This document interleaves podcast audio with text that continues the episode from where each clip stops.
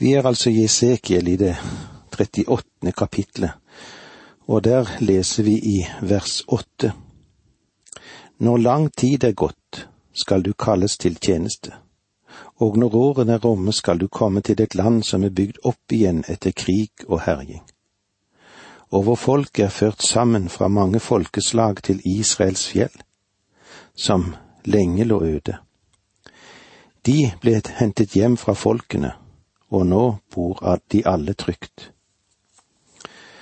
Når Israel er tilbake i landet, så vil det være under Antikrist sitt herrevelde, og han vil få dem til å tro at fred er kommet til jorden, og at alle jordens problemer er løst, og at de nå går inn i tusenårsriket.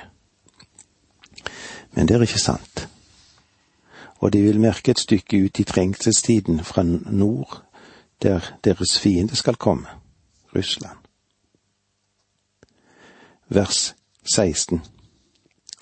De drar opp mot mitt folk Israel lik en sky som dekker landet. Det skal skje i de siste dager, da fører jeg dem mot mitt land, for at folkeslagene skal lære meg å kjenne, når de blir vitne til at jeg åpenbarer min hellighet for deg, Gog.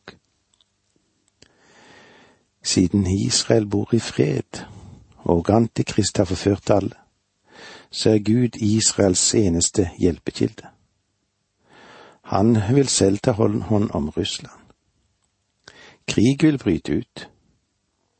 Den store trengsel begynner, som er de siste tre og et halvt årene av trengselstiden, og her finner vi da all med all sin rystende gru. Hele jorden vil bli som et holocaust. Domstider den ene etter den andre vil komme over jorden. Krigen vil herske. Kristus angående denne perioden, denne, denne korte perioden, som det står i Matteus 24, 22.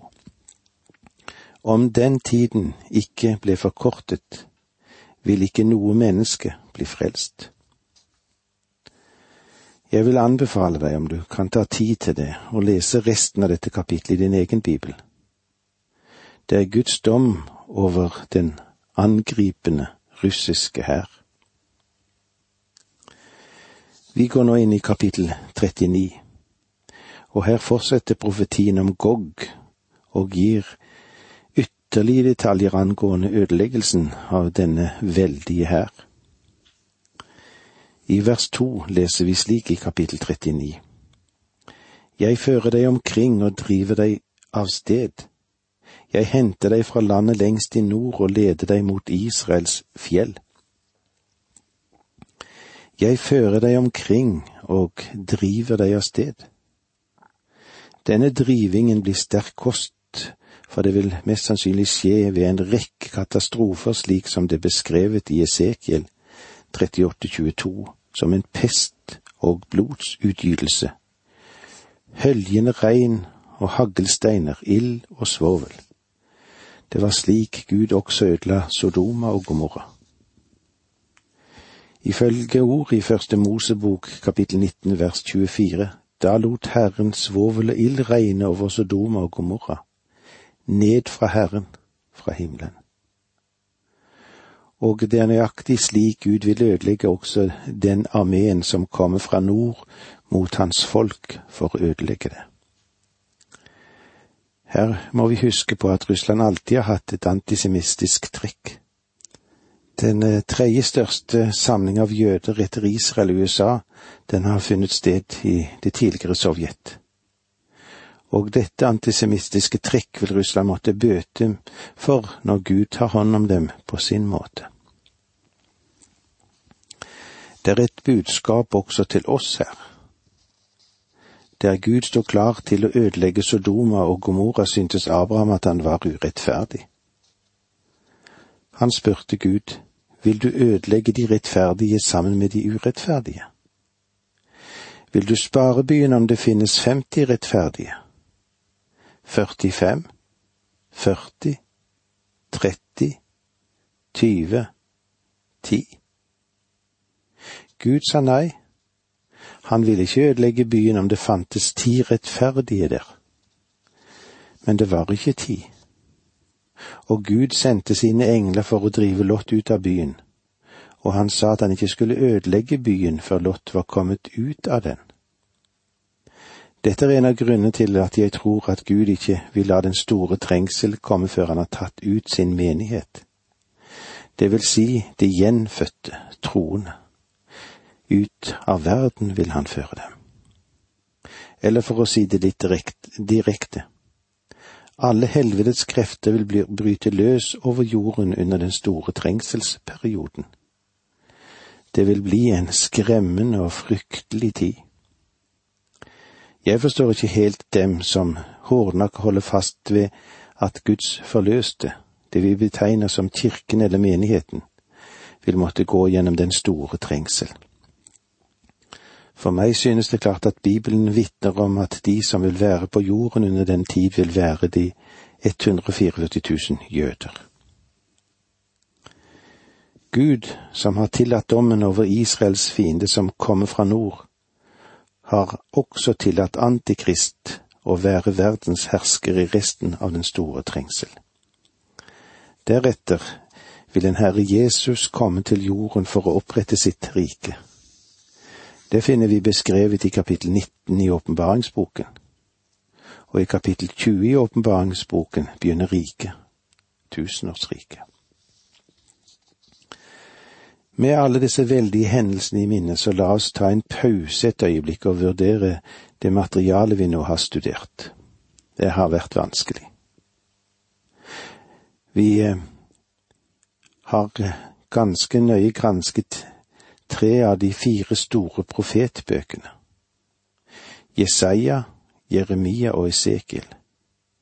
Og når vi ser på dette, så synes det å tre frem visse vesentlige prinsipper om den fjerde profet, Daniel, og det vil vi se når vi kommer til dette, hvordan det vil bli bekreftet. Disse prinsippene har en tidløs melding til alle folkeslag i verden, og spesielt for de troende. Og når jeg sier de troende, så taler jeg om dem som tror helt og fast på Jesus Kristus som frelser, og de som tror at Bibelen er Guds ord. I Esekiel har vi sett hvordan Gud tar hånd om Israel. Når Gud sier Israel, så mener han Israel. Han mener ikke menigheten. Hvordan noen kan tro at Gud mener menigheten når han sier Israel, det er et C-moment i teologien som ligger utenfor min forstand. La oss tillate Gud å mene det han sier, og være åpne for det han beskriver i disse profetiene. Det er bokstavelig talt folket Israel. Det tror jeg er den riktige tolkningen. Men selvfølgelig kan vi tilpasse ting også på andre forhold siden Gud styrer med Israel som et mikrokosmos, når vi ser på den store verden som vi lever i i dag. De prinsipper Gud har brukt for å stelle med sitt eget folk Israel, er evige for de er knyttet til Guds karakter og attributter. Jeg har beskrevet noe av dette i Jesaja og Jeremia-bøkene, og nå er jeg klar til å trekke disse konklusjoner ut av Esekiel-boken. Ingen profet understreker Guds herlighet og hellighet mer enn Esekiel. Han så Guds herlighet. Det var det store syn han hadde i begynnelsen av boken og det glemte han aldri. Og det bør ikke du eller jeg glemme heller. Derfor ligger hovedvekten på Guds dom. Gud er den langmodige, ikke villig til å føre noen til fortapelse, og han advarte sitt folk igjen og igjen om at de ikke måtte vende seg bort fra ham, for eh, han kommer til å dømme Jerusalem. Så ble Jerusalem ødelagt, og Esekiel ga folket trøst, og de så fremover. Men, sa han, det kommer en ny fiende. Da den Herre Jesus Kristus var på jorden, gråt han over Jerusalem, for han visste at Titus, den romerske keiser, om få år ville dukke opp og ødelegge byen, på samme måte som Nebukaneser hadde gjort det tidligere. Og med det må vi si takk for nå, og Gud være med deg. Dette undervisningsprogrammet består av to deler. Åge Nevland fortsetter nå med andre del av dagens undervisning. Vi er i det 39. kapittelet i profeten Esekiel. Det er vanskelige områder vi holder på med, men de er viktige, for det er Guds ord som sier dette til oss, det vi stopper opp for i disse siste programmene i profeten Esekiel. I vers to i det 39. kapitlet leser vi Jeg fører deg omkring og driver deg av sted. Jeg henter deg fra land lengst i nord og leder deg mot Israels fjell. Jeg fører deg omkring og driver deg av sted. Her er vi innom hvordan ødeleggelsen vil bli når det gjelder disse profetiene som vi har stoppet opp for. Forholdene var forferdelige i Jerusalem. Og hvis den byen ønsket å glede seg over Guds velsignelser, så måtte de grunnleggende livsforhold endres. Løgnerne skulle slutte å lyve. Tyvene slutte å stjele. De lovløse skulle bli lovlydige, og rettferdighet skulle råde i byen. Bare om Gud ble anerkjent og respektert i landet, kunne velsignelsen hvile over Jerusalem.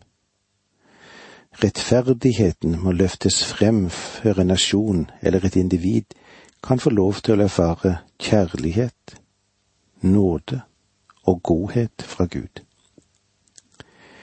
Jerusalem var snudd på ende. Folket tenkte feil, og de handlet feil. De levde i synd, og Gud hadde rett da han dømte dem. Gud velsigner aldri det som er galt. Dette står klart frem når vi setter Esekiel opp mot Jeremia. Jeg ønsker at dere skal merke dere dette enda en gang fordi jeg tror at dette er så viktig. Jeremia åpenbarer Guds hjerte. Gud ønsker ikke å dømme. Som han sa til Jesaja, så er dommen fremmed for ham. Han vil heller frelse. Det er hans sak. Han vil ikke at noen skal fortapes. Han engasjerer seg i hvert menneskes situasjon.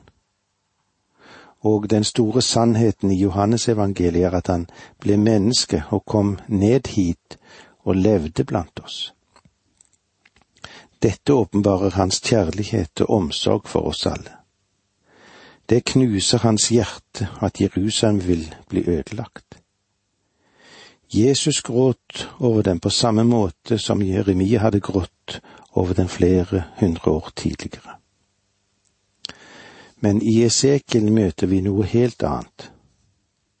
Samtidig som Jerusalem ble ødelagt, så døde Esekiels hustru. Og Gud forbød ham å sørge over henne. Han skulle handle som om ingenting hadde hendt. Gud gråt over Jerusalem, men han sørget ikke. Han gjorde ikke bot for det han hadde gjort fordi han var i sin rett i det han gjorde. Gud straffet Jerusalem med tårer i øynene sine og ødela byen, men han gjorde det som var i pakt med hans karakter. Han gjorde det som var rett, for Gud gjør ikke noe annet enn det som er rett. Paulus stiller dette spørsmålet. Er Gud urettferdig? Slett ikke, som det står i Romerbrevet 9,14. Selvfølgelig finnes ikke urett, urettferdighet i Gud. Det han gjør, er rett. Hans herlighet synliggjøres i dom. Hans nåde synliggjøres i forløsning.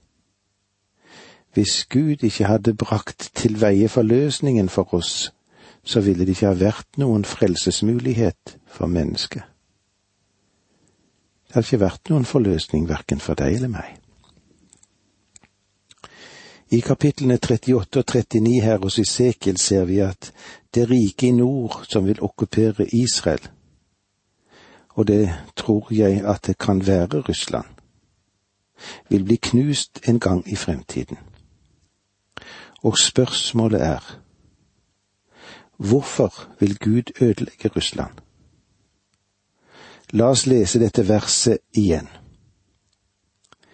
Du drar opp mot mitt folk Israel lik en sky som dekker landet. Det skal skje i de siste dager. Da fører jeg deg mot mitt land, for at folkeslagene skal lære meg å kjenne. Når de blir vitne til at jeg åpenbarer min hellighet på deg, Gog, som det står i Esekiel 38, 16. Hva vil Gud gjøre? Han skal ødelegge dem. Nå kan jeg nesten høre at noen ut utbryter. Mener du virkelig at Gud vil gjøre noe slikt? Ja, det vil han. Det finnes visse fintfølende teologer som har et problem med at skaperen ødelegger det han vil. Som, ja, du husker det sikkert, da Jesus forbannet fikentreet. Og også når han drev noen griser i døden, som det står om i Matteus 8.30-32. Det er vanskelig for meg å forstå at velutdannede teologer separerer Gud på en slik måte at han ikke får beholde dommen sammen med frelsen i sine hender. Jeg må si jeg er mer engstelig for en Gud som ikke tar sitt ord og sin hellighet på alvor. La meg nå få lov til å sitere to andre vers. Esekiel 39, 6 og 7. Jeg sender ild mot Magog og mot dem som bor trygt på øyene. De skal få sanne at jeg er Herren. Jeg vil gjøre mitt hellige navn kjent i Israel, mitt folk. Jeg vil ikke la det vanæres mer. Da skal folkeslagene sanne at jeg er Herren, den hellige i Israel. Vil Gud ødelegge Russland? Han sier at han vil sende ild mot Magog og blant dem som bor trygt i kystland. Spørsmålet er kanskje nå, hvor er Gud i dag? Hvorfor rykker han ikke ut til forsvar for sitt folk i vår tid? Jeg tror han vil gripe inn når øyeblikket kommer. Han skal stadfeste sin herlighet, men han vil ikke gjøre det på bakgrunn av at han er støtt eller vil ha hevn. Han skal dømme, og når han gjør det, skal det stige fram en respekt og ærefrykt for Gud i denne verden, og det lille mennesket skal bøye seg for ham. I Romerne 2,3 sies det, Men når du dømmer dem som gjør dette, og selv gjør det samme, mener du da at du skal unngå Guds dom? Mennesket vil ikke unngå dommen. Mennesket tror det vil komme unna med sin synd, men det vil ikke. I Hebrebrevet leser vi slik:" Hvordan skal da vi slippe unna dersom vi ikke bryr oss om den frelse som er så mye større? Den ble først forkynt av Herren og siden stadfestet for oss av dem som hadde hørt ham. Er du klar over at dette er et spørsmål som ikke engang Gud kan svare på? Hvordan skal vi slippe unna om vi ikke bryr oss om den store frelse? Vel, vi kan ikke slippe unna. Det er ikke noe svar på det spørsmålet. Guds hellige navn vil bli løftet opp og erkjent rent i forhold til alle dem som har villet tilsøle dette navnet. Hvordan vil Guds hellige navn bli erkjent? I kjærlighet. Han demonstrerer sin kjærlighet i dag ved at han har gitt oss sin sønn. De av oss som får lov til å nevne hans navn, altså vi som får lov til å være hans barn, vi trenger òg å lære en lekse. Vi trenger òg å erkjenne at vi ikke kan leke med ham. Vi kan ikke ta han til, ta han til inntekt for det vi finner på. Vi kan ikke leve som vi vil og samtidig forsøke å holde oss inne med ham. Vår Gud er en hellig Gud, og vi kan heller ikke føre ham bak lyset. Vi kan ikke synde og komme unna det vi har gjort. Om det var mulig, hadde ikke Gud vært bedre enn vi er da. Mennesket er bare en skapning. Guds vilje skal overvinne og overleve, og vår rette stilling over ham er at vi må bøye oss for ham. Vår frihet i dag finnes i Guds vilje. Han kommer jo i hu at vi er støv. Men kan jeg si med Paulus, jeg fikk nåde. Om du fornekter ham, vil han bøye deg under sine føtter. Han har elsket deg så høyt at han ga sin sønn for deg. Men om du fornekter hans barmhjertighet og nåde, så vil han fornekte deg. Dette er hans univers, det er hans jord, og han driver den frem etter sin fullkomne plan. Det vi trenger, både du og jeg, er å få gå i takt med ham. Takk for nå, må Gud være med deg.